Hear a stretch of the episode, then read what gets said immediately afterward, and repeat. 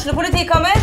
Ine Jansen er purk. Er du purk? The motherfucking bitch. Alt jeg vil, er å finne ut hva som skjedde med mannen min. Jon Carew. Er jeg sikta for noe? Iben Akeli. Det er du. Ole So, Lars Berrum og Big Daddy Karsten. Hvem sin side er du på, egentlig? Anette Hoff, Tone Danielsen, Kommer du fra Afrika? Jørnis Josef, Nesten. Kløfta. Trond Espen Seim, Det er synd å si det, men det var feil mann som døde. Purk. Premiere tirsdag på TV2 Play. Dyrisk desember med podkasten Villmarksliv.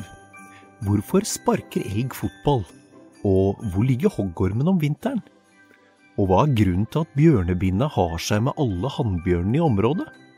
Svarene på dette og mye mer får du i podkasten Villmarkslivs julekalender Dyrisk desember, der du hører på podkast.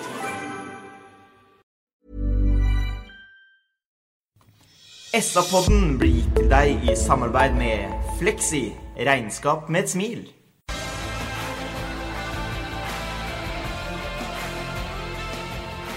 Sarpsborg Arbeiderblad presenterer SA-podden med Patrik Walter Larsen og Petter Kalnes.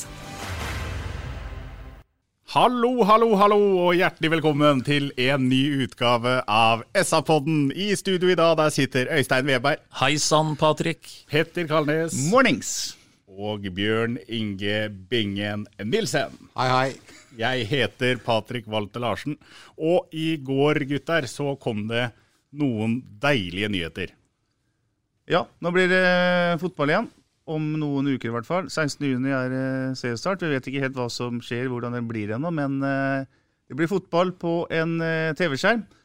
Og før den tid så blir det sannsynligvis noen deilige treningskamper på SA-TV, Patrick. Ja, det gjør det jo antageligvis. Det er ma veldig mange ting som er usikkert ennå, men det deiligste da, Bingen, det var jo det å få den nyheten her om at nå skal ting starte opp igjen. Absolutt, og det gleder jo alle det. Hvordan man skal eh, utføre sesongen er jo veldig usikkert, men eh, vi gleder oss uansett.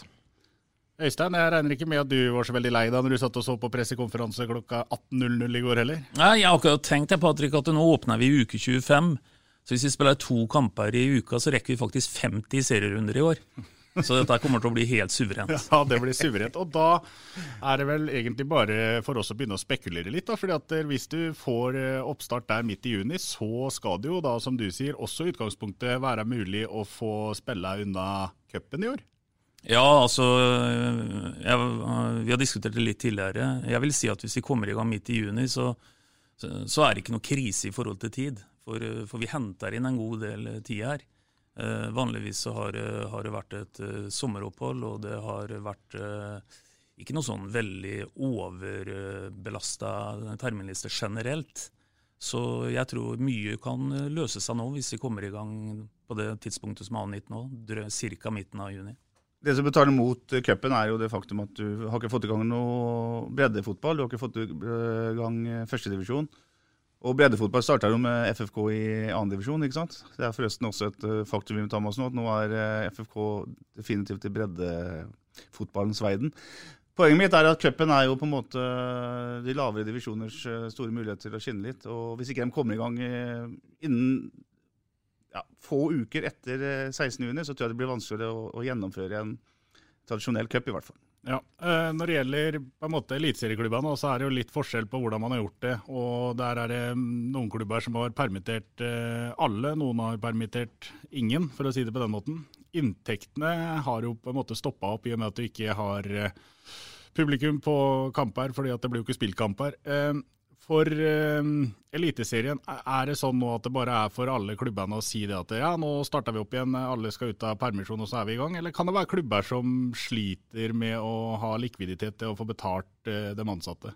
Nei, jeg tror det er mange klubber som har det beintøft. Ja, det vi hører iallfall via via, da er at det er et spørsmål om alle klubber er i stand til å sette i gang. Vi hørte og så en liten sånn spørrerunde i går, og det er jo ikke alle klubber som vet hvordan man skal få de permitterte tilbake i jobb en gang. Så det er veldig tøft, og det er et voldsomt regime de skal inn i, de som skal sette i gang med fullkontakt trening nå, og etter hvert også spille kamper. Så det er, det er mange spørsmålstegn fortsatt. Eh, så syns jo jeg, da, og jeg skrev det litt i går kveld òg, at jeg syns Sarpsborg 8 har opptrådt helt eh, formidabelt bra her. Eh, man har riktignok permittert i administrasjon, og det er tøft som rakkeren for dem det gjelder, selvfølgelig. Og man blør økonomisk også på stadion, men uh, måten man har kjørt det sportslige opplegget nå under den tida her, har vært uh, meget bra. og jeg tror de står utrolig godt rusta til det som kommer nå, altså rent eh, sportslig og rent fysisk. Og Da kan vel egentlig jeg bare komme med en liten innrømmelse. og det er det at I utgangspunktet så hadde vi tenkt oss å slenge ut to podkaster i løpet av denne uka her, vi, Øystein. Ja, altså, Du ga meg assosiasjoner til, til egentlig 80-tallet.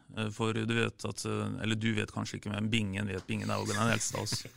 At hvis du skulle er ta opp, ja, ja, Bingen er mye eldre enn meg. Hvis du skulle ta opp noe på en kassett, da, så måtte du trykke altså ned Du huset. det, Bingen? Både Rekk. play og rec. Ja.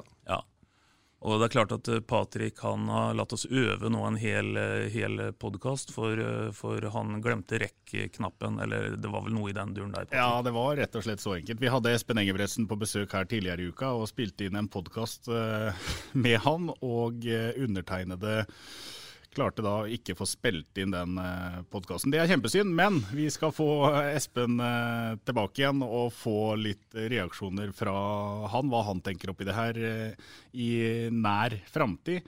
Og det veldig Det blir veldig spennende. Jeg tenker litt sånn, gutter, at eh, det, for spillerne som skal ut i, i kamp igjen snart nå, så kommer det til å bli en veldig, veldig spesiell tid. Ja, selvfølgelig. De gleder seg jo enormt. De er jo eh, som yre, yre hester på beite, dem nå. De eh, har jo gleda seg veldig til eh, sesongen. Den har blitt forsinka, blitt, for, blitt forskjøvet. De har trent alternativt, de har sam, samla garderoben. De kommer jo ferdig skifta til trening. Eh, Det sosiale forsvinner. De har trent fem i grupper, de har trent på forskjellige tidspunkter. Nå blir det jo egentlig eh, Nå blir jo egentlig alt tilbake til normalen hvis man klarer å innrette seg etter den protokollen som ingen vet hva punktene innebærer ennå. Men det er vel sikkert enorm møtevirksomhet eh, med toppfotball og, og, eh, og norsk, eh, norsk eliteserie om dagen. Så vi får bare smøre oss litt i tålmodighet eh, og høre hva den protokollen eh, be- betyr. Men eh, det er nok noe som skal, eh, skal på jobb her, sånn, og det er nok noen økonomiske konsekvenser for å få fotballen til å begynne å rulle. Det er jeg overbevist om. Det som i hvert fall blir klart, er at eh, det som skjer eh, de 90 minuttene man er på trening, er eh, så å si som normalt. Altså Du kan spille mot hverandre, du kan heade, du kan gjøre alt det du vil gjøre på en trening. Før og etter, mellom treningsøktene, så vil det et veldig strengt regime der spillerne i praksis er i karantene. Og det som mange av oss som har spilt fotball er glad i, da, det sosiale, det å være sammen, det å sitte i garderoben, det å spise sammen og alt det greiene her, det vil jo fortsatt ikke være mulig. Så det blir en sånn rar greie der man sannsynligvis, som du sier, Bingen, må komme ferdig skifta. Eh, Når det blir treningskamper nå, så vil det være sånn uh, pauseprat. Mikael Stare vil ta med seg guttene bort til et hjørne ikke sant? og ha pausepraten der. Sånn som vi hadde når vi var på Norway Cup i gamle dager. Så det liksom det er eh, mange ting som blir veldig spesielt. Men uh, 90 minutter med trening, uh, eventuelt 90 minutter med en treningskamp, det vil jo være tilnærmet som vanlig. Kan jeg spørre en ting igjen, Petter, i retur? Hva tenker du om, hva vet du, og hva har du hørt ut av den protokollen i forhold til hvor man eventuelt skal spille? Eh, Skal man spille på sine egne stadioner, eller er det den modellen man snakka om på Jessheim og rundt omkring, at man skal samles noen lag? Nei, så hvis jeg skjønner nå, så det står i hvert i protokollen her, så står det mye om hvordan man skal forflytte seg fra A til B og til bortekamper. Så sånn jeg leste det i går, i hvert fall, så er det blir kamper på de ulike stadionene. Men det er som sagt litt uh, synsing. Men det står der f.eks. at man helst skal dra til kampen uh, alene i sin egen bil. Det står spesifikt at hvis man leier en buss som tar 40 personer, så skal det sitte maks 20 på den bussen, osv. osv. Man skal ha ett sete hver og alt det her. Så mange sånne ting vil uh, komme, men detaljene der vil jo bli klart i løpet av kort tid, vil jeg, vil jeg tro. Og, og SAs journalister er i hvert fall på det her og kommer til å fòre leserne med mye framover. En, en, annen ting som slår meg, Øystein, det er det at nå har på en måte alt nå har dreid seg om at ok, nå må det åpnes opp, nå må det åpnes opp, sånn at vi får noe fotball på TV og fotball å se på. Og så åpnes det opp, og da er det plutselig veldig veldig, veldig mange problemer. Liksom før, det, før den pressekonferansen her i går så kunne du sagt at vi gjør hva som helst for å spille, og så blir det åpna opp, og så ser vi at oi, det her kan bli litt krevende.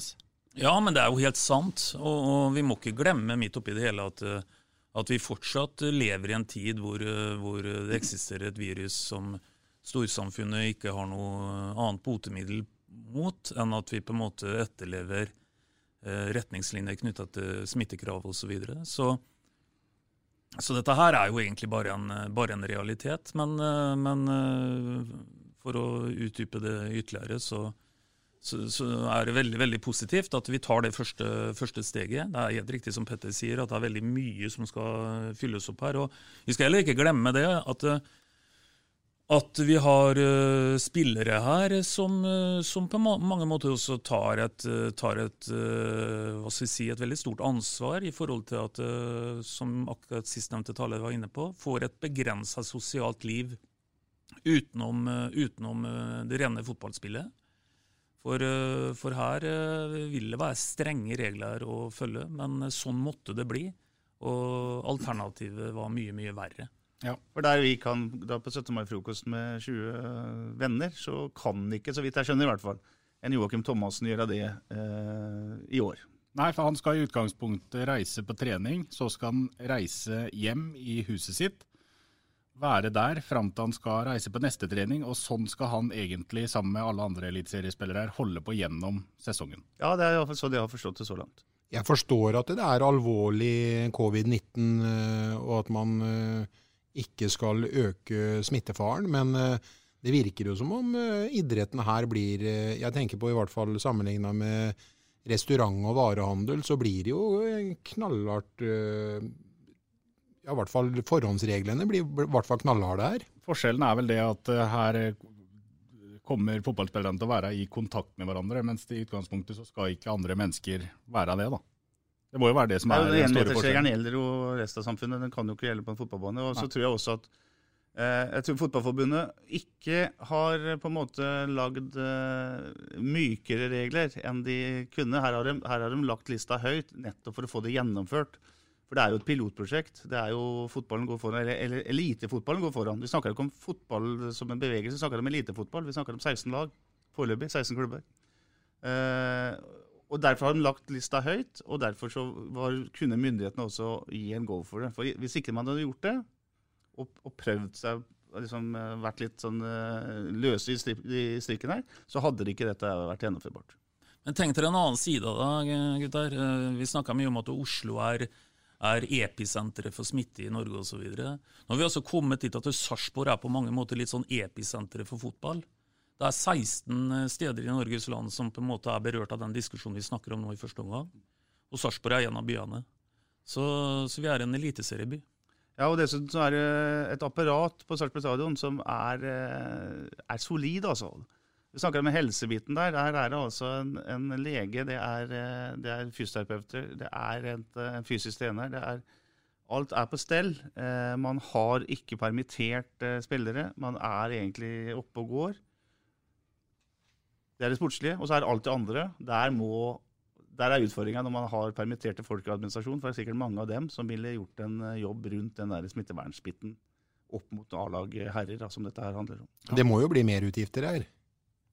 Ja, dette her koster, dette koster penger, det er ikke noe å lure på engang. Bare at eh, La oss si da at spillere skal, skal, skal møte Odd da, i, i Skien, og, og, spilleren skal komme seg dit sjøl. Tenk på bare kjøreutgiftene for hver enkelt spiller med, med ferje kontra det å leie en buss, f.eks. Altså, det er masse ting her som kommer til å spille inn, både praktisk og også økonomisk. Ja, og økonomisk er det interessant, for det er som Bingen sier, det blir mer eh, utgifter. Og det er jo fortsatt mindre inntekter. For du får ikke eller du får ikke solgt en eh, enkeltbillett til en hjemmekamp som spilles uten tilskuere.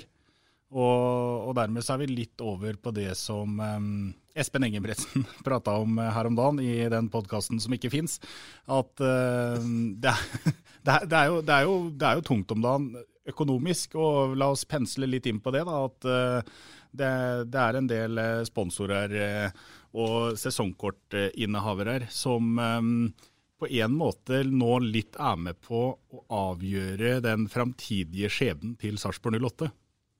Ja, det er jo det. Og det er jo små sponsorer, det er store sponsorer, og det er eh, vanlige mann i gata som har kjøpt et sesongkort, som da Han har kjøpt en vare som eh, beviselig nå ikke vil kunne bli brukt. Og Det er klart at det er en utfordring for klubben å få inn de pengene. Eh, og Jeg må jo si jeg har forståelse for en, en sponsor for eksempel, som eh, har permitterte folk, og vil få et trøkk fra de ansatte. Hvorfor skal du betale den regninga til Sarpsborg 8, uh, og jeg skal fortsatt gå permittert og ha 6 lønn, eller hva det nå er for noe. Så det der er en vanskelig balansegang. Og så er det jo litt som Espen har sagt et par ganger, da, at nå er det litt sånn at uh, Sarpsborg 08 er byens lag, det er et byanliggende. Og da må man også støtte opp i vanskelige tider, Øystein. Det er jo det det handler om. Ja, det handler om det. Og, men, men, vi er inne på et ganske alvorlig tema. For, eh, for, det var dette som også Espen Jeg gjentar igjen, Patrick, bare for å gni det igjen. Sa i den poden det aldri ble noe av. Det er veldig godt sagt av Espen. Ja, veldig godt sagt. Og synd vi ikke fikk sendt den ut til lytterne. Han sa at det er én stor mørk sky her, og det er på mange måter Eh, det vi er innom nå, hvis det på en måte blir for mange som på en måte eh, både tenker refundering i forhold til betalte ting her, og ikke minst på sponsorsida. Men da har jeg lyst til å uh, prøve å være litt sånn motvekt på det. Og, og, når det gjelder de største sponsorene, som er rimelig brukbart plassert i forhold til TV-produksjon, så tror jeg at Og dette er Jeg drar den litt langt nå, og det er, ytter, det er i hvert fall et paradoks. Kanskje vil i etterkant oppleve 2020 som den sesongen hvor hun ble best eksponert. Og, og, og, den teorien bygger jeg bare veldig enkelt rundt. At uh, når vi summerer 2020, så har aldri flere nordmenn sett TV-fotball med Sarpsborg 08 involvert. Det er min påstand mm. allerede nå. Mm. Det kommer nok til å flate noe ut etter hvert, for det er noe med nyhetens interesse, og nå har vi sultefòra osv. Men det kommer ikke til å flate så mye ut at vi ikke ender opp med den beste TV-tallet ever på Sarpsborg 08. Det er min påstand. Og Da betyr det at store, store sponsorer til 08 som er i, er i eh, synsrekkevidde for dette her, de bør faktisk eh, slutte å snakke om eh, å ikke få varer de har betalt for, og kanskje heller eh, snu på flisa og tenke at eh, dette er faktisk bedre enn vi noen gang har hatt det. Dette gjelder ikke alle, men det gjelder noen, og det gjelder noen store. Det, det vil jeg kaste inn som en liten uh, motargument i forhold til dette her. Mm. Jeg skjønner også, jeg er helt enig med deg, og det, det, det, blir, det er jo fortsatt, eller er allerede nå et stort skille mellom store og små sponsorer. Men det er klart, her er det de store som får uh, mulighet til, til, å bli, uh, bli profilert og, og, og, komme fram. Da. Men så skjønner jeg også at uh, en arbeidsleder, en sjef på en arbeidsplass, har en, en, vanskelig forklaringssituasjon overfor en ansatt som er permittert. Da. Selv om vi vet at, eh, at sponsing, eller det å være samarbeidspartner med fotballklubber da, er mye mer enn en gave. Her er det jo snakk om å bygge bedriftens omdømme osv. Ja, jeg er helt enig, og, og det, skal en ha, ha respekt for. Uh, og, og, jeg tenker at her får en, uh, en gå i en dialog. da. Også, også, det, det jo, En kan jo tenke seg at det finnes løsninger her som går på at en kan, kan fordele dette her noe mer over tid. altså Ikke vet jeg. Men uh, Eh, jeg tenker alle må på en måte kanskje eh, ta konsekvensen og ansvaret for at vi er i en helt spesiell tid. At vi må prøve å være løsningsorientert alle sammen. Så er jo alle, alle i anførselstegn må være enige om at uh, Sarpsborg 8 er utrolig viktig for Sarpsborg by. Så ingen ansatte eller ingen bedrifter får noe bedre liv om Sarpsborg 8 ikke eksisterer som eliteserieklubb i framtida. Så det er altså det store bildet så er det jo også en, uh, veldig mange sesongkortinnehavere her på Sarpsborg stadion som ikke nødvendigvis får levert uh, vara si. Tror du det er mange som kommer til å uh, be om å få tilbake pengene sine, Bingen? Noen vil nok det.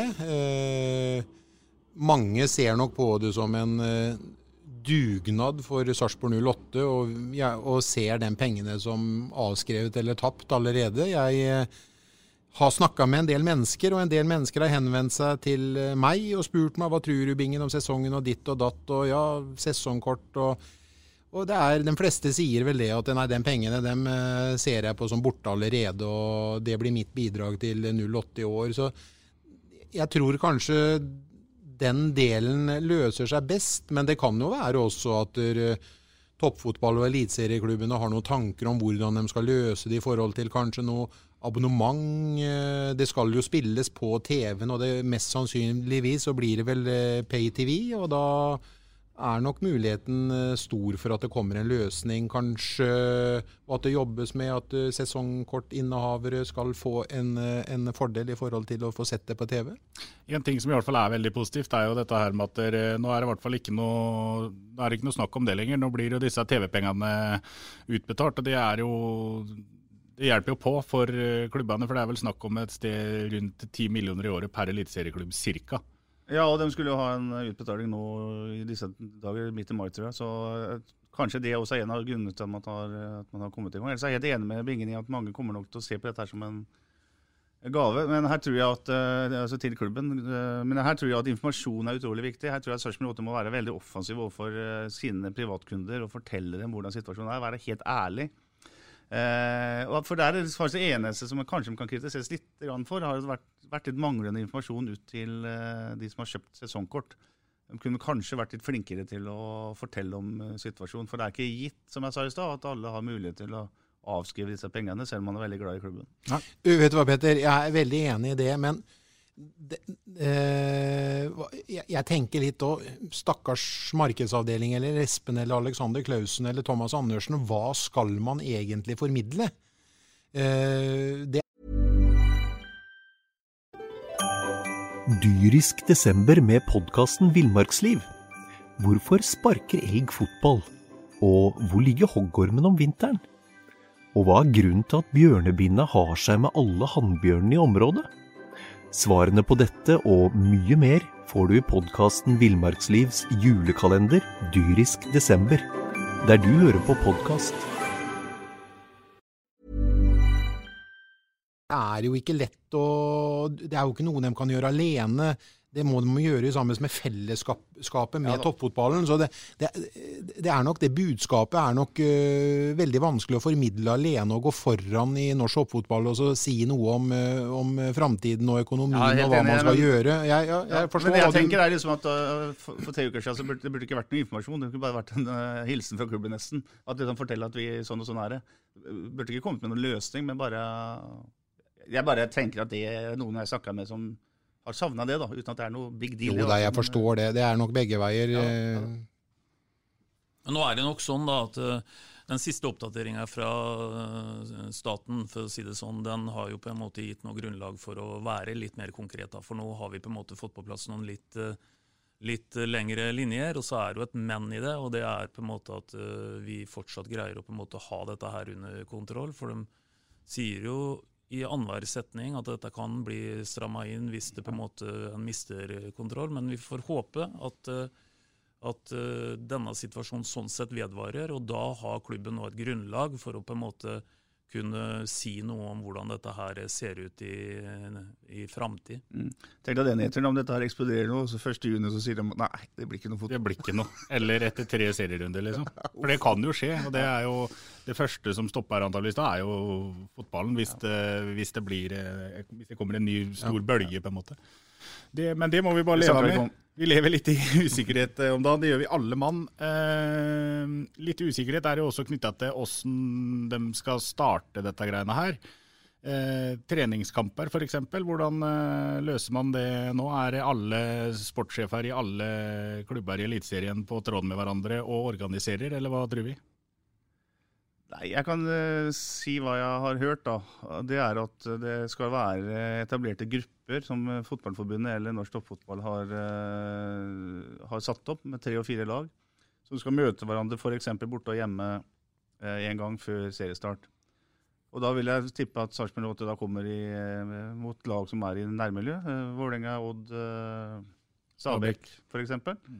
Så vil man lage sånne puller. Man kan også tenke at det blir enda mer geografisk. For eh, det er jo ganske, klubbene er jo ganske nære hverandre, bortsett fra, fra Bodø-Glimt. For du har jo nærhet mellom Kristiansund og, og Rosenborg, som jo er ganske nære. Så det er det vi hørte i går i hvert fall. Men det kommer til å komme mer informasjon om det. og Vi har iallfall rettigheten til hjemmekampene på Sarpsborg stadion. Uh, Patrick. Ja, det er moro å få kjørt i gang eh, treningskamper igjen. For det eh, Jeg husker Nå husker jeg ikke hvem motstanderen var, men jeg husker jeg spurte deg i pause på en treningskamp, Øystein.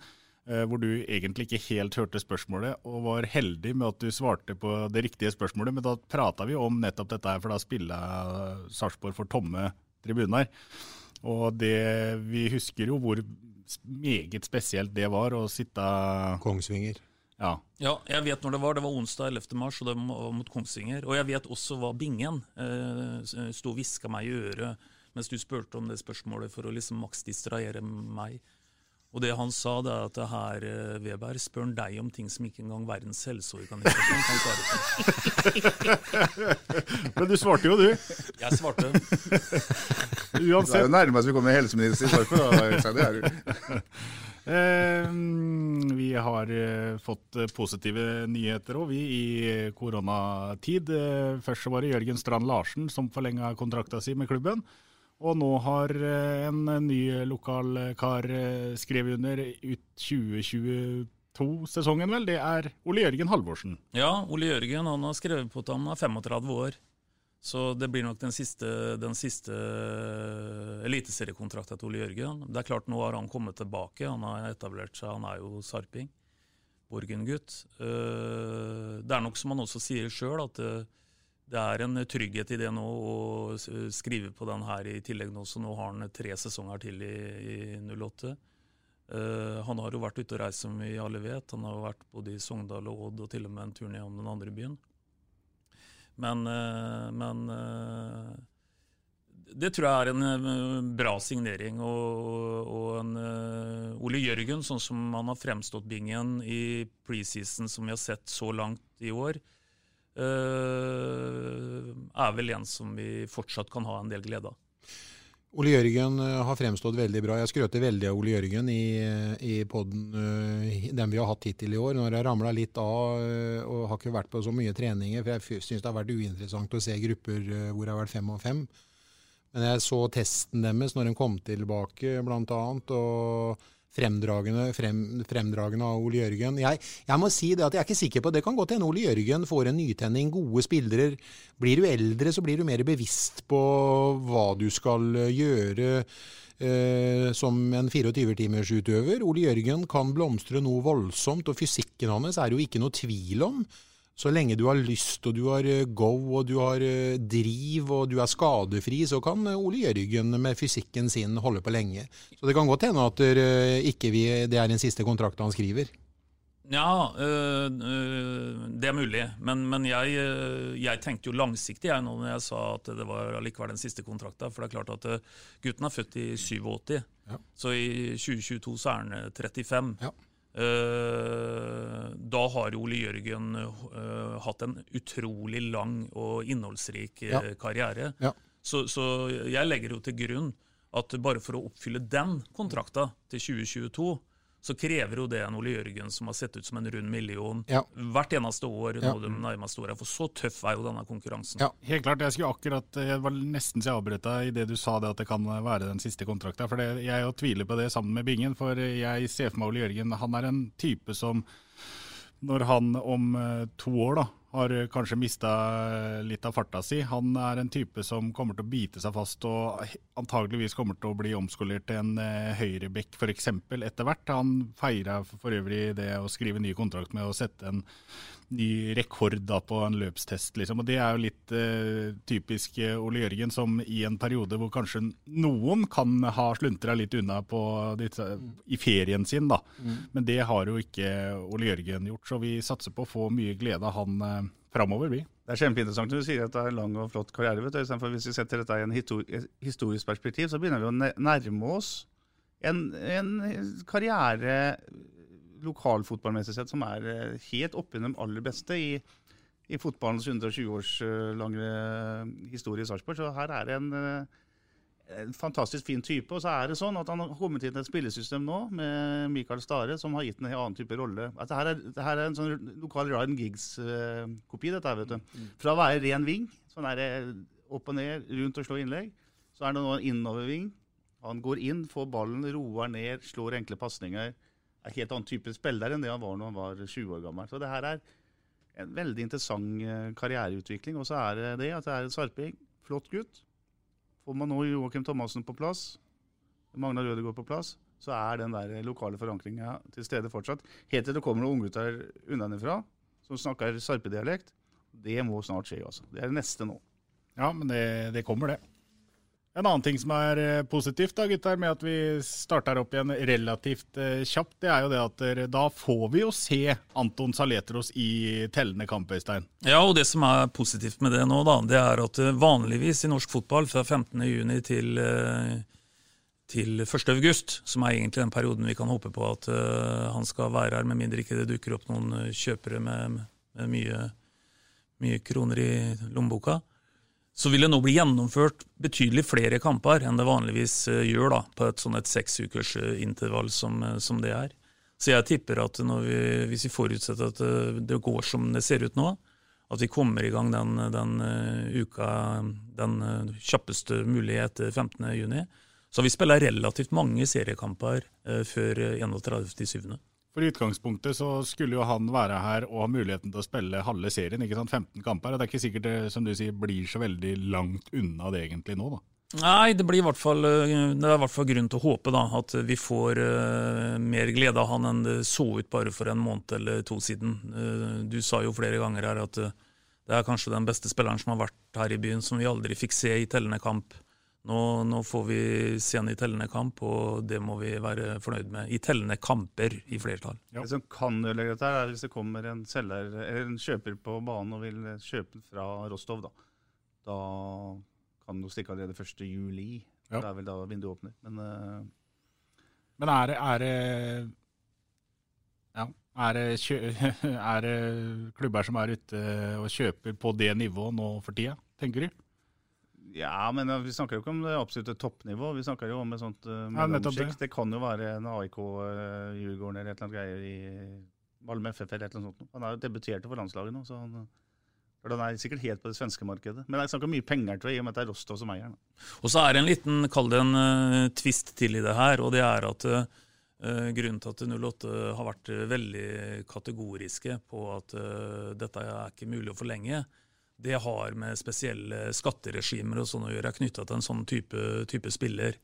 Men nå ser vi jo samtidig da at uh, ting som vanligvis ville vært veldig fastlåst, regelfastlåst, også i Norge, uh, er regler som er uh, endringsbare, basert på at vi igjen til det kjedsommelige har vært gjennom en, og er i en unntakssituasjon.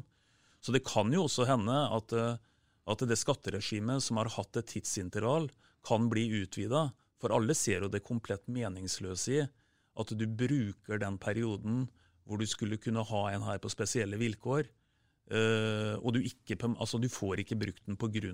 at uh, fotballen er tvangsnedstengt. Ja, du har helt rett. og Det er veldig interessant. for Det er, jo såkalt artistskatt, da, og der du kan gå x antall måneder på en, på en lavere skatteprosent. Og så er det sånn at Hvis du da skriver kontakt med han, eller forlenger med han, så må du da betale full skatt for hele perioden han har vært der. Og det er klart Hvis de gjør en, et forsøk overfor myndighetene og sier at uh, som du sier, Øystein, de har uh, hatt en kar her i så og så lenge, men de har ikke kunnet bruke den, han har ikke vært på jobb.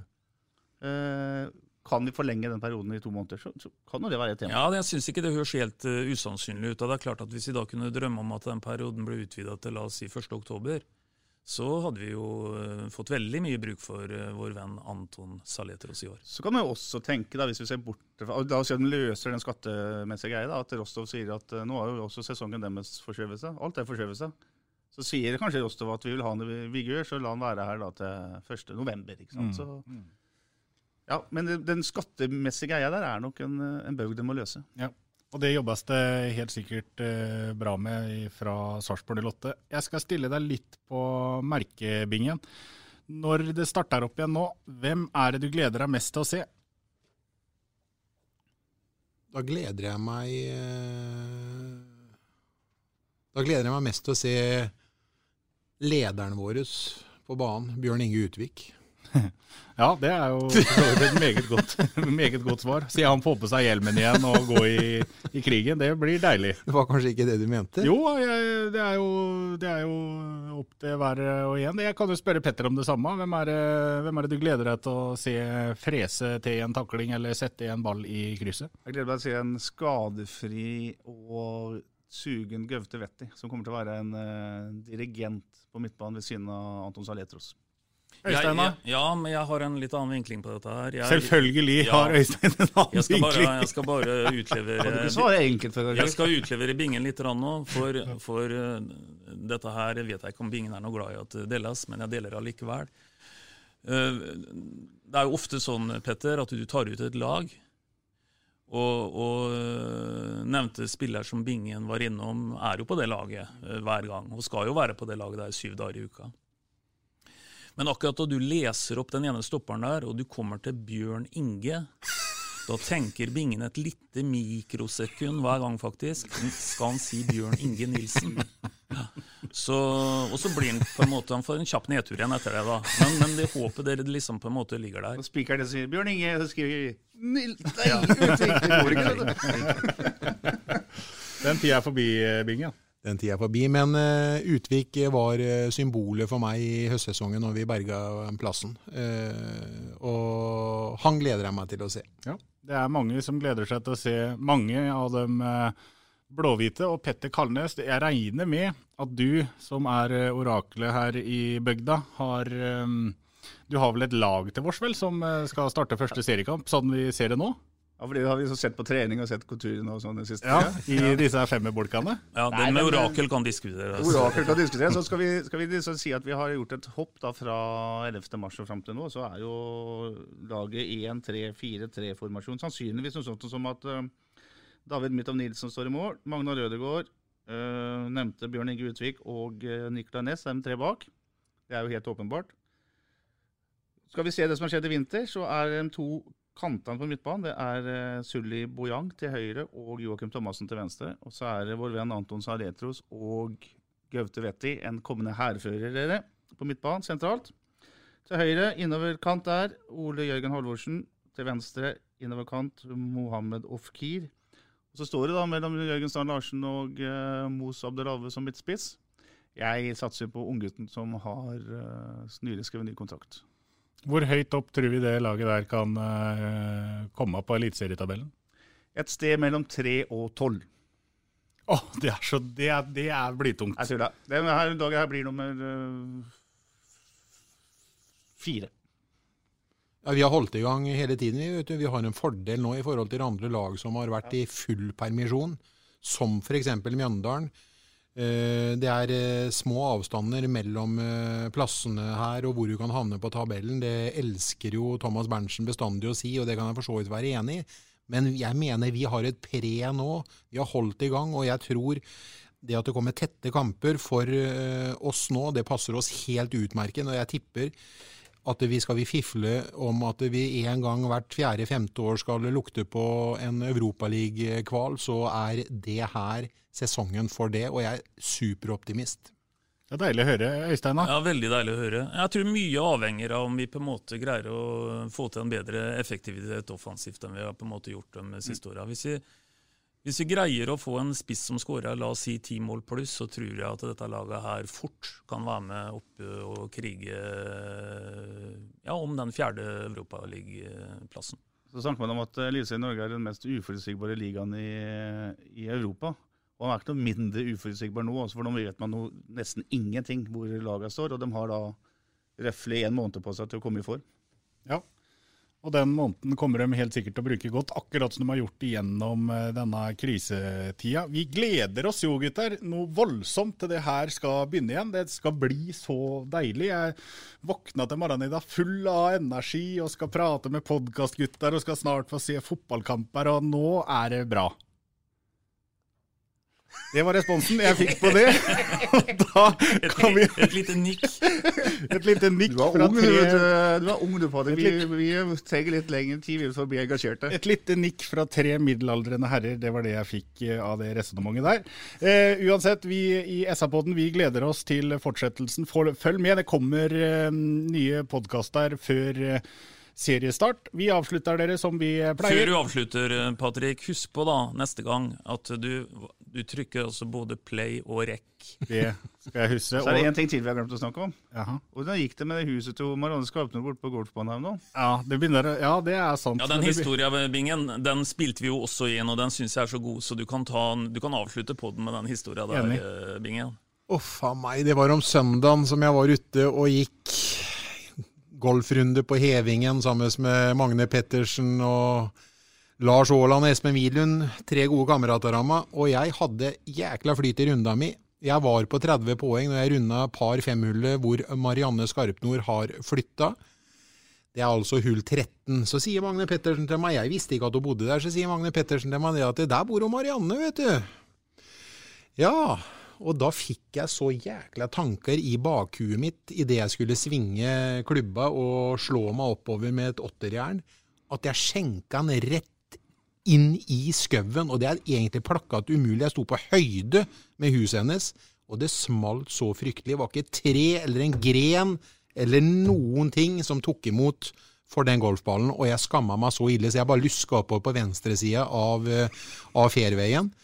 Og så sier Magne Pettersen hun er ikke hjemme, vet du, sa så det går bra, Bingen. Ja, men jeg kan jo ha ødelagt noe. Det smalt jo så ille. Så kommer, åpner verandadøra seg, og der kommer hun ut. Og hun var hjemme, og jeg skamma meg enda mer. Og så klarte jo selvfølgelig guttene ikke å holde kjeft, og de ropte 'Bingen! Der får du ballen din tilbake!' Ja, så da skjønte hun det med en gang. Og da kom den tilbake, og da sto det 'Du trenger en pro-time'. Hun var veldig hyggelig, og jeg ringte til henne i etterkant, og jeg fortalte henne at hun skulle få navnet sitt eh, nevnt på podkasten, og hun tok det med godt humør. Og sa at jeg faktisk ikke hadde vært den verste som hadde slått opp i, mellom huset hennes. Men eh, det tror jeg bare egentlig var for å være hyggelig, for det slaget der visste jeg ikke jeg hadde i bagen. Men hele runden min var jo ødelagt etterpå. Jeg var skjelven, faktisk. Men du får ikke noe glassmesterregning eller noe sånt? Gjorde ikke det. Det gikk veldig bra, sa hun, så jeg slår meg til ro med at eh, alt uh, er i orden. Ja, men det er godt å høre. Da vet alle det, at hvis de ser bingen i nærheten av golfbanen, så er det bare å holde seg langt, langt unna. Eh, vi gleder hjelm. oss vi, Bruk hjelm. Vi gleder oss til å få se fotball igjen. Og så kan vi avslutte da, dere. Vi prekas! Vi prekas! SA-podden blir gitt til deg i samarbeid med Fleksi. Regnskap med et smil. Du har hørt SA-podden med Patrik Walter Larsen og Petter Kalnes.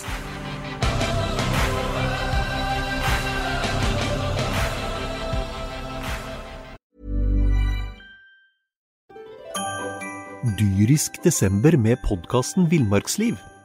Hvorfor sparker elg fotball? Og hvor ligger hoggormen om vinteren? Og hva er grunnen til at bjørnebinna har seg med alle hannbjørnene i området?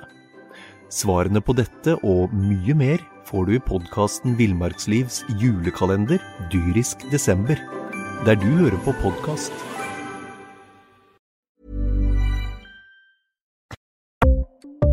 Ukens annonsør er HelloFresh. HelloFresh er verdens ledende matkasseleverandør og kan være redningen i en travel hverdag.